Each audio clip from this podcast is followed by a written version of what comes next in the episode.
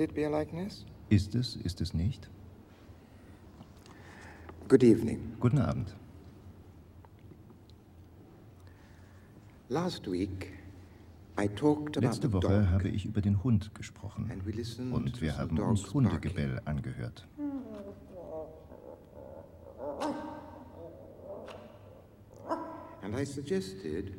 Ich hatte vermutet, dass dieses Geräusch nach einer Jahrtausende währenden Verbindung von Hund und Mensch irgendetwas mit unserer Sprache zu tun haben könnte. Irgendetwas. Aber was genau? Eine Reihe von Hörern hat mir geschrieben, vielen Dank dafür. Alles Briefe über die Art und Weise, wie Hunde mit uns kommunizieren.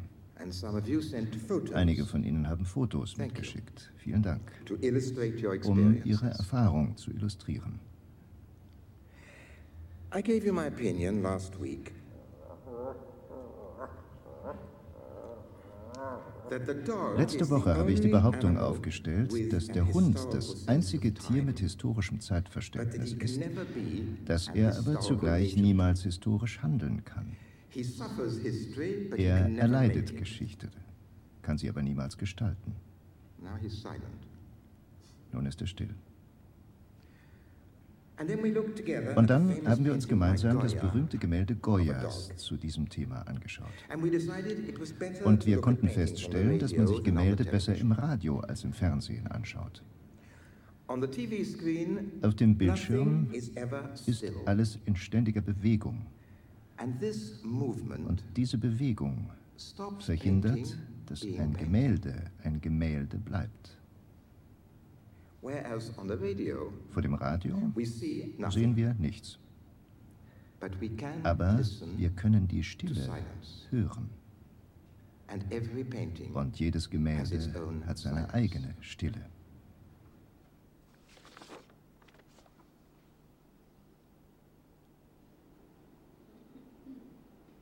Every.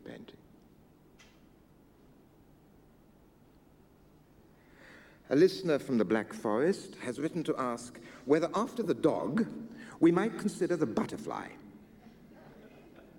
And in particular, the Anthocaris cardamines, commonly known as the fiancé.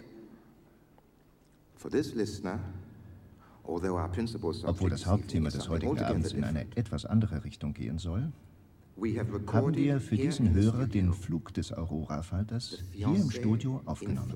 Und wenn Sie nun Ihre Fenster schließen,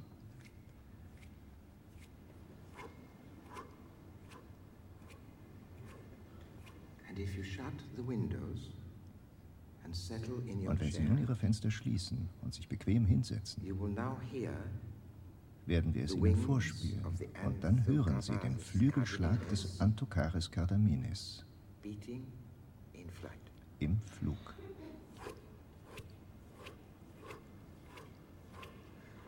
Every butterfly, too, has its own Natürlich hat auch jeder. Schmetterling seine eigene Stille. For sometimes a sound is Manchmal kann es leicht passieren, dass ein bestimmter Klang als Stille wahrgenommen wird. So wie Gegenwart, sichtbare Gegenwart, manchmal am eindrucksvollsten vermittelt wird. Wenn etwas verschwunden ist.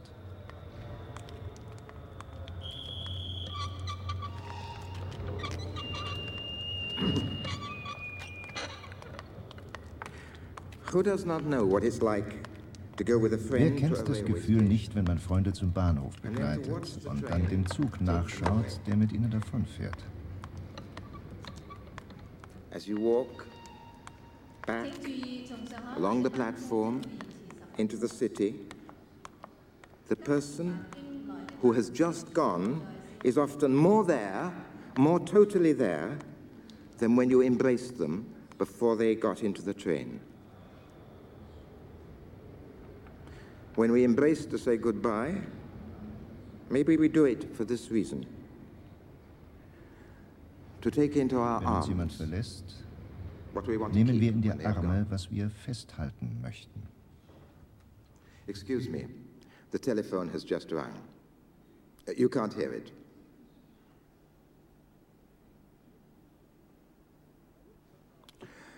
A listener asks me, what century in God's name do I think I'm living in? Sounds like the 19th. Klingt, als wäre es das 19. No, sir. Nein, no. Herr, nein. Das Jahrhundert, in dem ich lebe, ist das 16. oder das 9. Was glauben Sie, mein Herr, wie viele all dieser Jahrhunderte nicht dunkel sind? Eines von sieben?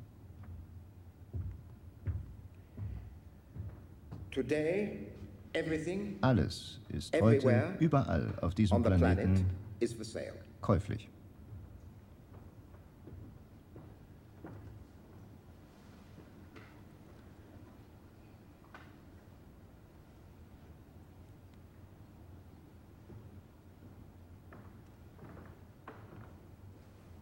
I'm selling. Zu Gebot steht. Here's a back. A Ein Rücken. Der Rücken eines Arbeiters noch nicht gebrochen. Gibt es Angebote? Ein Rücken wofür? Verkaufen Sie ihn irgendwo. Am besten da, wo man Rücken für die Arbeit braucht.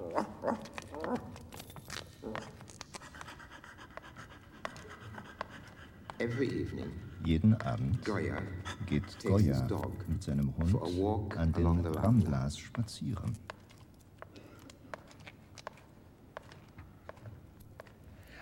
Ein Herz. Wie alt? 16 und gesund aus Mexiko. Okay, gekauft.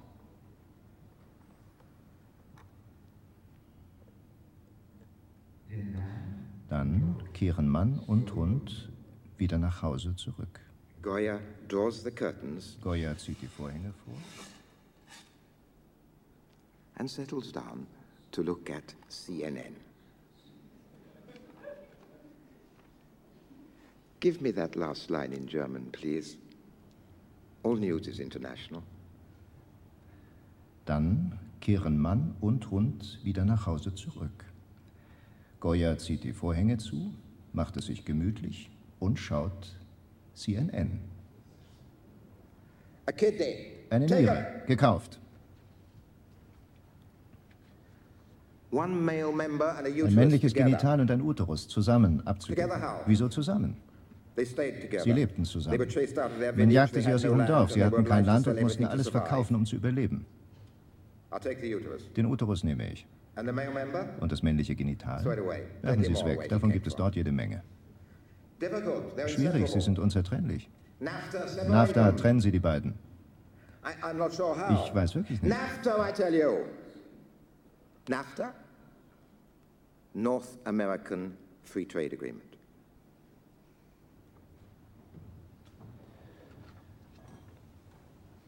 No, sir. Nein, mein Herr. I live in a century, ich lebe in diesem Jahrhundert, von dem ich nicht sagen kann, dass es unseres ist.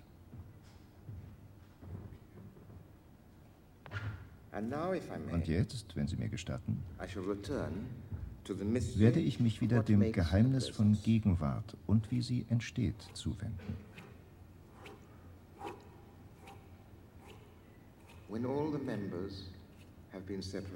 Was bleibt übrig, wenn man die Genitalien abtrennt und alle anderen Teile verkauft sind?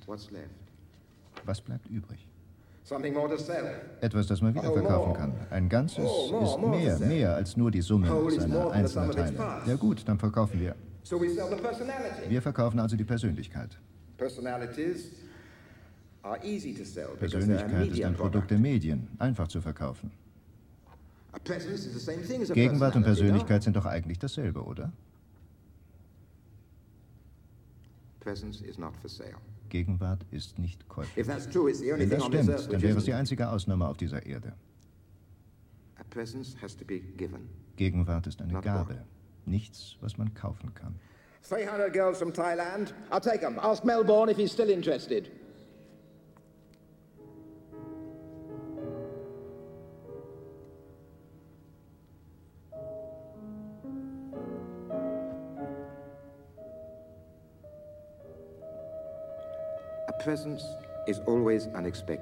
Gegenwart ist uns zwar vertraut, aber sie entsteht immer unerwartet. Man sieht sie nicht kommen. Sie bewegt sich auf Schleichwegen. Und darin gleicht die Gegenwart einem Gespenst.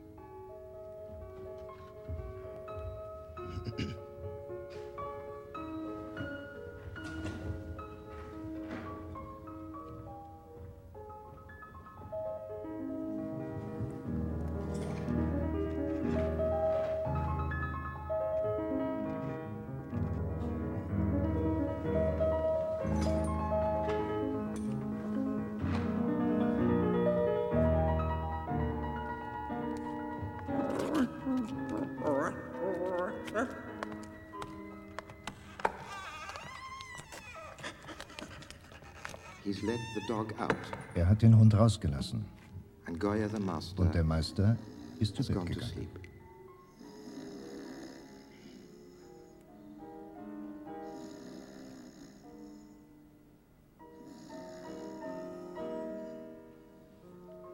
Once I was in a train traveling to Amsterdam through Germany, going north, following the Rhine. Es war Sonntag. Ich war allein im Abteil und schon einige Stunden unterwegs. Ich hatte einen Kassettenrekorder bei mir und beschloss, Musik zu hören.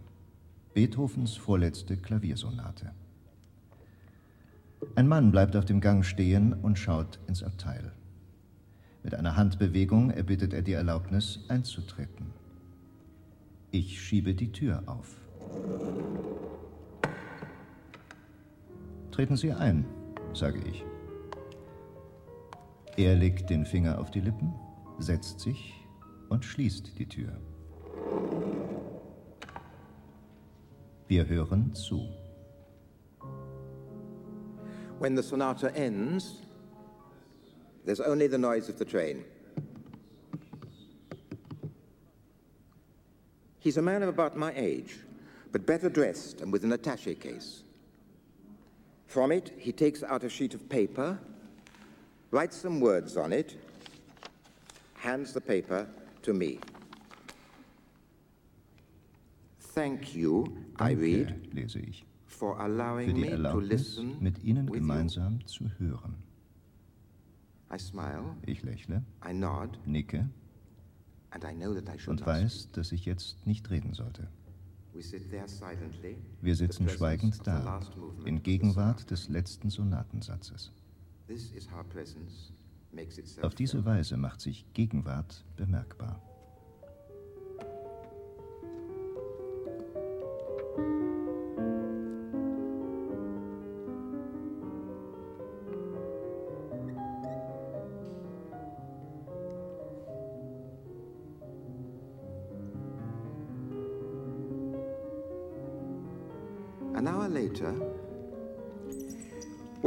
Als eine Stunde später ein Verkäufer mit einem Getränkewagen vorbeikam, Kaffee und Tee und belegte Brötchen verkaufte,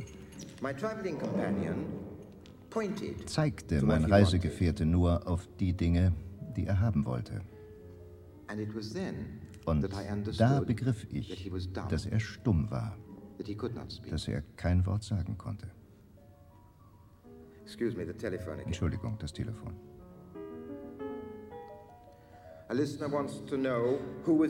Ein Hörer will wissen, wer war der Pianist? Piotr Andersuski. That's not true. Das stimmt nicht. Why do you lie? Warum lügen Sie? Because Piotr is a friend of mine. Weil Piotr ein Freund von mir ist. He plays marvelously, Er spielt wunderbar, but he has no means. aber niemand unterstützt ihn. Seine Schwester ist eine Violistin. Manchmal spielen sie zusammen. Poland. Er kommt aus Polen.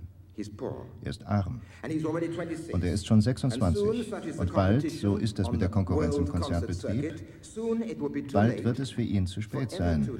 Für immer zu spät. Für the great Peter als pianist der große is. Pianist anerkannt zu werden, der er ist. So I lied to help Also habe ich gelogen, um Peter zu helfen. On my way here to the radio station this evening, Auf meinem Weg zum Funkhaus heute Abend kam ich an einem Fotogeschäft vorbei. Im Schaufenster war ein Schild angebracht, auf dem stand Passbilder. Wirklich ähnlich. Fertig in zehn Minuten.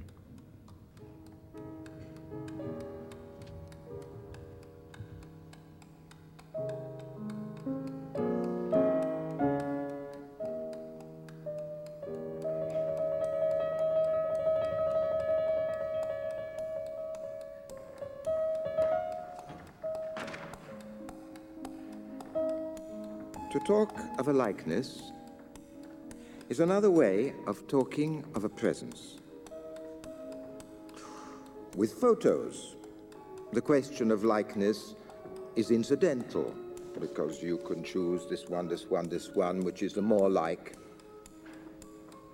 With photos, it's incidental. With a painted or drawn portrait, likeness is really much more fundamental.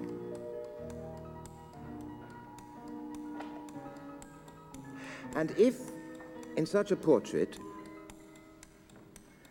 the likeness is not there, you feel that there is a kind of absence, a gaping absence.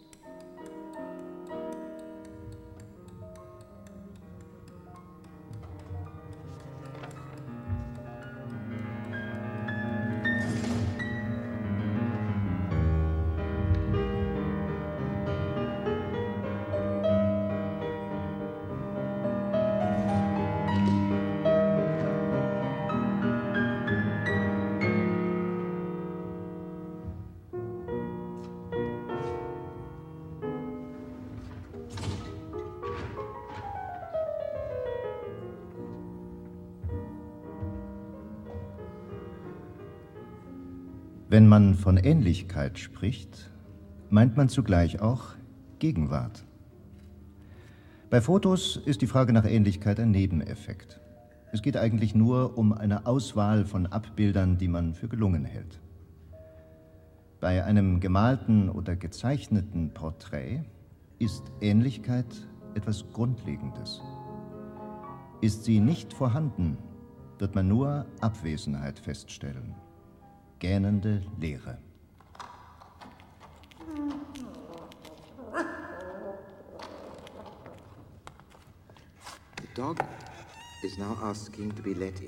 Der Hund möchte herein.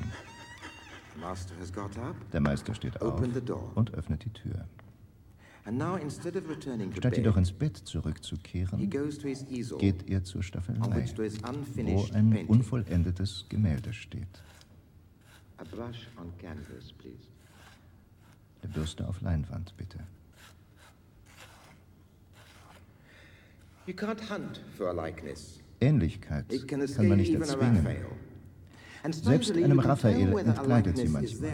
Merkwürdigerweise kann man vorhandene oder nicht vorhandene Ähnlichkeit selbst dann beurteilen, wenn man das Modell oder ein anderes Bild des Modells gar nicht kennt. Zum Beispiel findet man auf Raphaels Porträt einer Frau, bekannt als La Muta, die Stumme, wie der Mitreisende im Zug. In jenem Bild ist eine verblüffende Ähnlichkeit. Man kann sie hören. Can you whisper a likeness?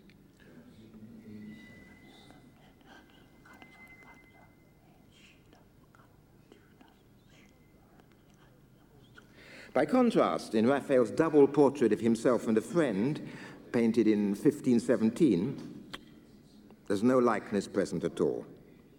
This time it's a silence without any life in it, and enough to compare this silence with the fiancée beating her wings for us to feel this absence. See the difference?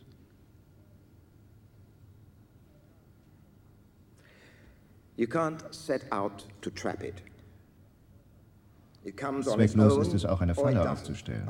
Ähnlichkeit stellt sich selbst ein oder nicht. Sie bewegt sich auf Schleichwegen. Vielleicht ist Ähnlichkeit sogar Gegenwart.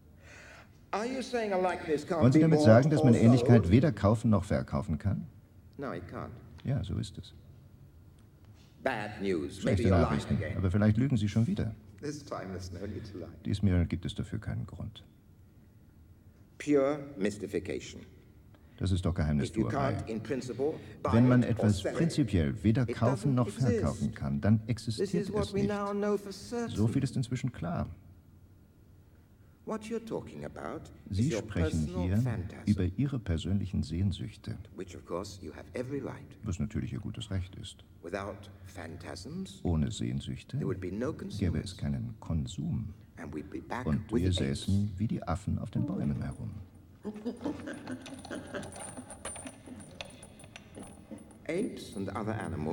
Affen und andere Tiere können mm. Gegenwart spüren. Wenn ein Hund das Kleidungsstück seines Herrn am Geruch erkennt, dann entsteht für ihn möglicherweise so etwas wie ein Abbild. So we end up with dogs. I thought we were thinking about invention, creation, human wealth. Eine weibliche Schilddrüse. Eine einzelne kann man nicht verkaufen. Kann man eine einzelne Schilddrüse angeboten bekommt, ist etwas faul.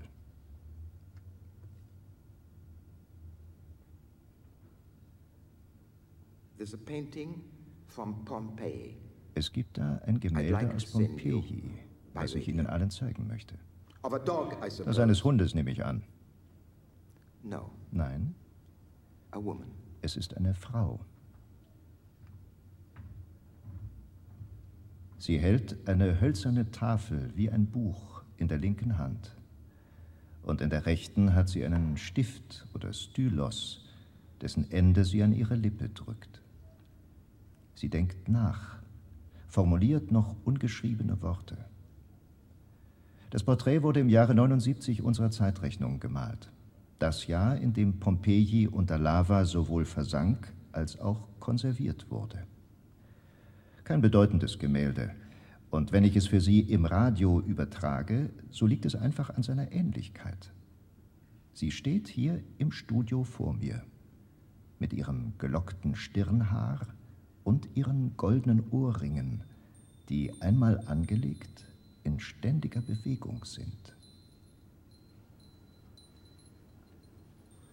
A likeness is a gift. Ähnlichkeit ist ein Geschenk. Something left behind and Etwas hidden. Zurückgelassenes und Verstecktes. Das man erst findet, wenn das Haus leer ist. Und so versteckt, time. entzieht sie sich der Zeit. Was meinen Sie mit entzieht sich der Zeit? Stört die Zeit, wenn Ihnen das lieber ist. Im Fernsehen würde man Ihnen diesen Unsinn nicht abnehmen.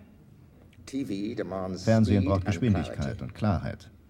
Im Fernsehen können Sie nicht so abschweifen, wie Sie das hier im Radio tun.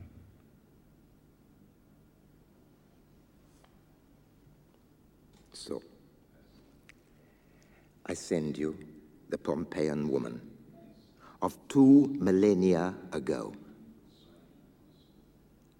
with the tip of her stilo resting on her lower lip and her hands, which are not rough with work and never will be. At the most, she's 20. And you have the impression of having just seen her.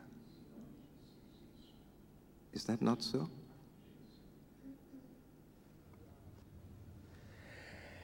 You are a nostalgic old man. Sie sind ein nostalgischer alter Mann. Or a young romantic. Oder ein junger Romantiker. Anyway, they're both Spielt keine Rolle. Sind beide They belong to the past. Sowas gehört der Vergangenheit an. Today we live Heute in leben wir in einer Welt des Austauschs, der Rechenoperationen in Lichtgeschwindigkeit, der Kredite, der Verluste und Gewinne. Und der Tod kommt nicht vor. Lass die Toten ruhen was immer mal treffend gesagt und das hat auch immer gestimmt.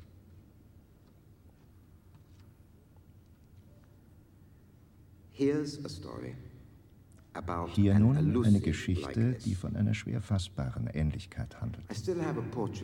Ich besitze noch immer ein Porträt, das ich mit 20 gemalt habe.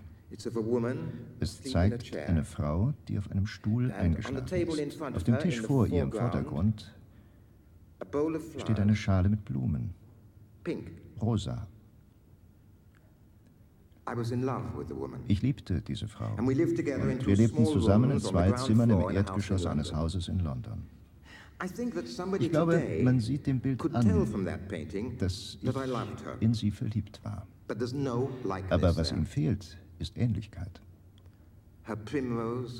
Ihr Kleid in einem Primelgrün, das sie auf dem Tisch des Raumes genäht hatte, wo ich malte, erzeugt eine gewisse Gegenwart. Und ihr blondes Haar, in dem ich immer grüne Töne sah, ist gut getroffen, aber es fehlt die Ähnlichkeit. Und bis vor sechs Monaten konnte ich diese Ähnlichkeit auch nicht in meiner Erinnerung finden, wenn ich das Bild betrachtete. Ich sah sie, wenn ich die Augen schloss. Aber ich konnte sie nicht im Stuhl sitzend in ihrem grünen Kleid sehen. Dann, vor sechs Monaten, war ich zufällig in London und befand mich zu Fuß nur zwei Minuten von jenem Haus entfernt, wo wir die beiden Zimmer gemietet hatten. Das Haus ist renoviert worden und neu gestrichen. Aber man hatte es nicht umgebaut. Ich klopfte also an.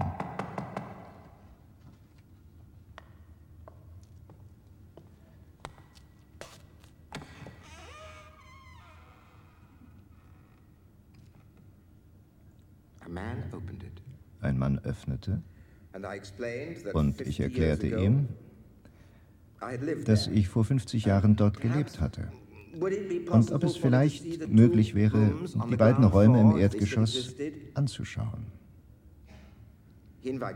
Er bat mich herein.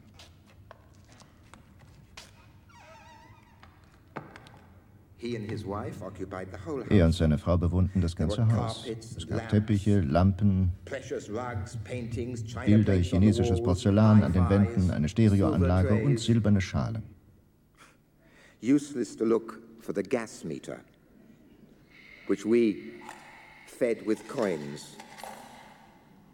When we were cold and needed to light the gas fire or heat some water,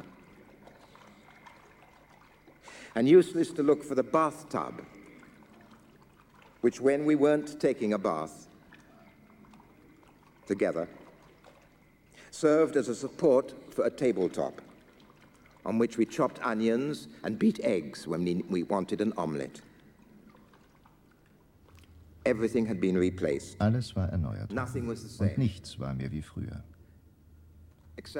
Mit Ausnahme der Stuckornamente an der Decke und der Proportionen des großen Fensters, in dessen Licht sie ihre Kleider nähte und ich malte.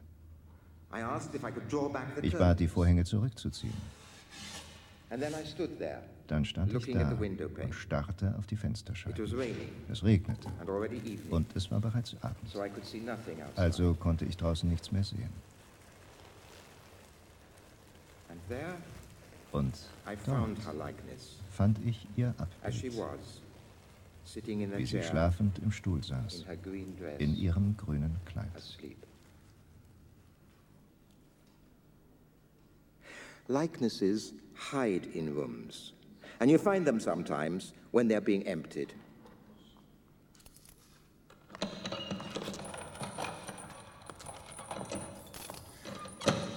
Es gibt viele Menschen, die sich so zurückgezogen haben, sie leben in einer Art Wahrnehmungsschweiz, wo sie eine Ähnlichkeit noch nicht einmal dann erkennen, wenn sie ihnen direkt vor Augen steht. Ein Journalist besucht ein modernes Gefängnis, auf das die örtlichen Behörden stolz sind. Es wird sogar als Modellgefängnis bezeichnet.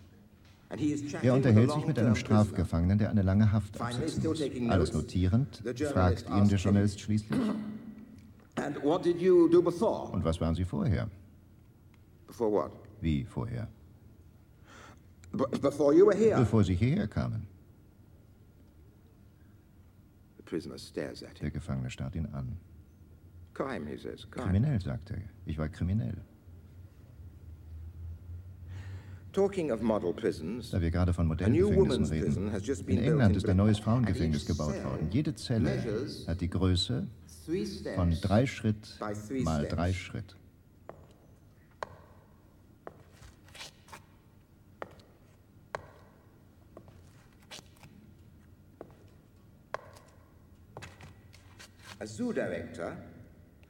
Ein Zoodirektor kommentierte diesen winzigen Raum folgendermaßen. Es gibt keinen Zoo, der einen Affen auf so kleinem Raum halten würde. Es schadet sowohl dem psychischen als auch dem physischen Gleichgewicht des Tieres. So etwas wäre in einem professionellen Zoo nicht gestattet.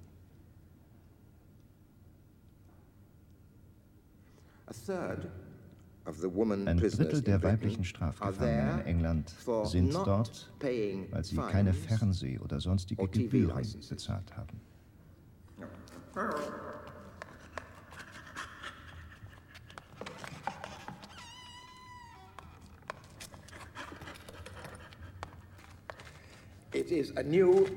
Es ist ein neuer Tag. Und Goya führt den Hund aus.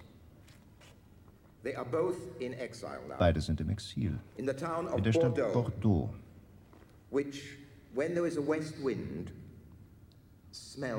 wo bei Westwind alles nach Atlantik riecht.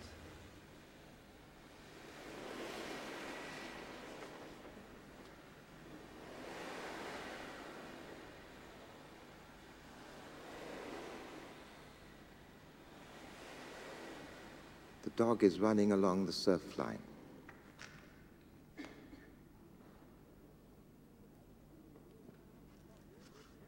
As the Nikkei stock average breaks through the 2,000 point mark, European money managers brim with confidence that the market to watch next year will be Japan.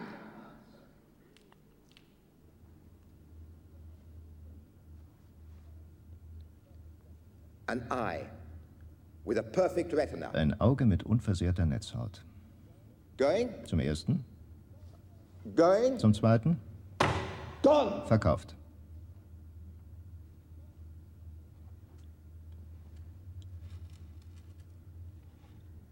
In these parts, it is a miracle that people es ist ein Wunder, dass die Menschen in dieser Gegend überhaupt noch leben, sagt Moises, ein junger Mann, der sich dem Zapatistenaufstand in Chiapas, Südostmexiko, angeschlossen hat. Sieben- bis zwölfköpfige Familien fristen ihr Leben mit einem oder einem halben Hektar unfruchtbaren Ackerlands. Wir haben nichts, absolut nichts. Kein anständiges Dach über dem Kopf. Kein Land. Keine Arbeit. Wir haben kein Essen. Wir sind nicht gesund. Haben keine Bildung. Wir befinden uns im Jahr 1994. And now I want to send you by radio a strange likeness. That of a man whose face we do not know. Whenever he's in company, he wears a black ski mask. Here we are, he says, the forever dead, dying once again, but now in order to live. Wir sterben noch einmal, aber jetzt um zu leben. His assumed name is Marcos. Sein Name ist Marcos. Subcommandante Insurgente Marcos. A terrorist, it was agreed that this was a radio talk about economics and you contrive to introduce a terrorist, an expert in violence? I'm just transmitting his likeness. A likeness created by his own words.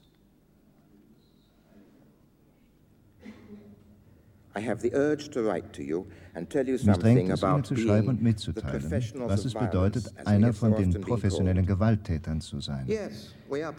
Denn so bezeichnet man uns oft. Ja, wir sind professionell, aber unser Beruf ist Hoffnung. Aus unseren geschundenen und gebrochenen Leibern muss eine neue Welt entstehen. Werden wir sie sehen? Spielt es eine Rolle? Ich denke nein. Solange wir mit unwiderlegbarer Sicherheit daran glauben, dass sie geboren wird. Und wir alles, unser Leben, Körper und Seele, für diese lange und schmerzhafte, aber auch historische Geburt opfern müssen. Love and pain. Two words that not only rhyme, but join up and march together. Empty leftist rhetoric. Here is the rest of the likeness. Hier ist der Rest dieses Abbildes.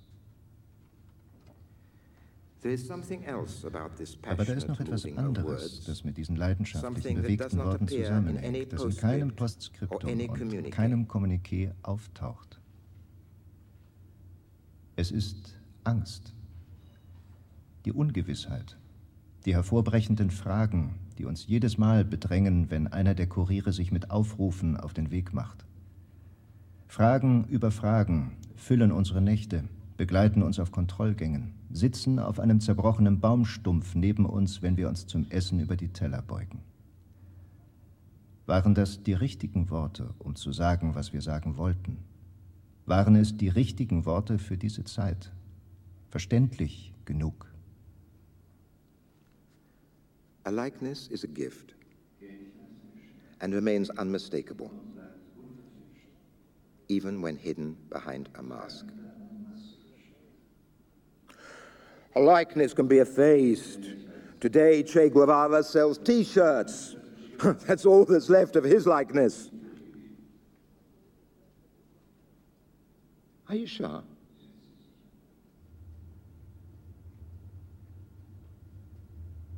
Sure.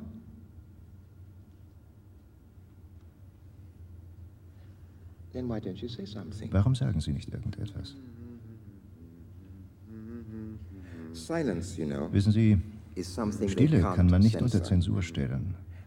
Und unter bestimmten Umständen wird Stille subversiv. Deshalb muss sie auch ständig mit Lärm zugeschüttet werden.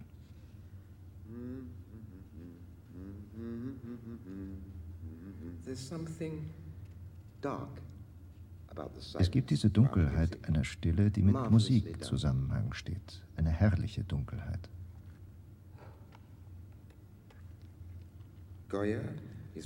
Goya geht mit seinem Hund am Meer spazieren.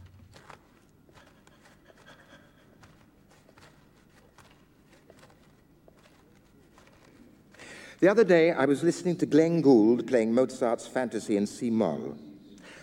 I'm not going to put it on for you, for if I did, I'd have nothing more to say. And they'd pay me less for this program, and I need the money to pay a dentist's bill. Nevertheless, I want to remind you of how Gould plays. He plays like one of the already dead, come back to the world to play its music. That's how he played when he was alive. Drei flinke Hände. Wieso drei? Eine der beiden Frauen hatte einen Arbeitsunfall. Gekauft.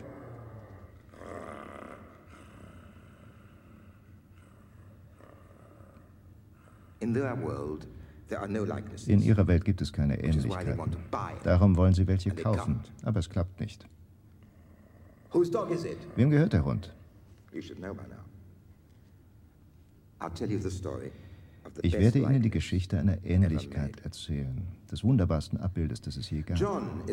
Johannes ist der einzige der Evangelisten, der sie erzählt. Die anderen nehmen keinen Bezug auf dieses Ereignis, obwohl sie Maria und Martha erwähnen. Diese beiden Schwestern hatten einen Bruder, Lazarus, der in Bethanien an einer Krankheit starb. Als Jesus, ein Freund der Familie, in das Dorf kam, war Lazarus tot und seit vier Tagen begraben. Wohin habt ihr ihn gelegt? fragte er. Komm und sieh, Herr, antworteten sie. Jesus weinte. Da sagten die Juden, Seht, wie er ihn geliebt hat.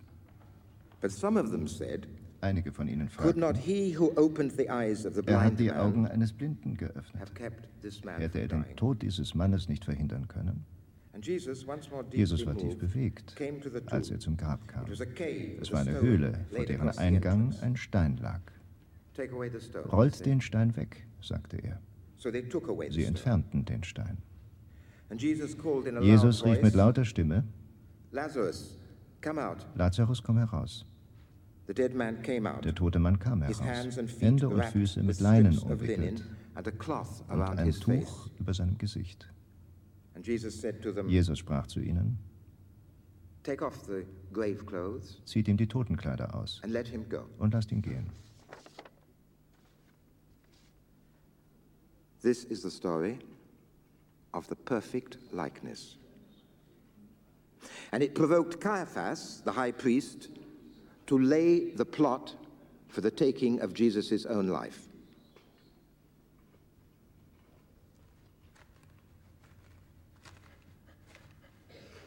Goya, Goya kehrt mit seinem Hund zurück, um in seinem Atelier zu arbeiten. Er malt.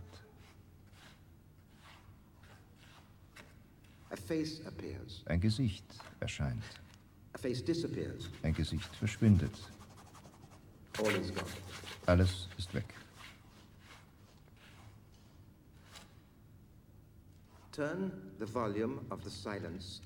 Drehen Sie die Stille laut.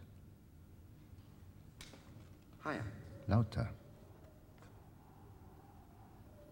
Higher still. Is it the silence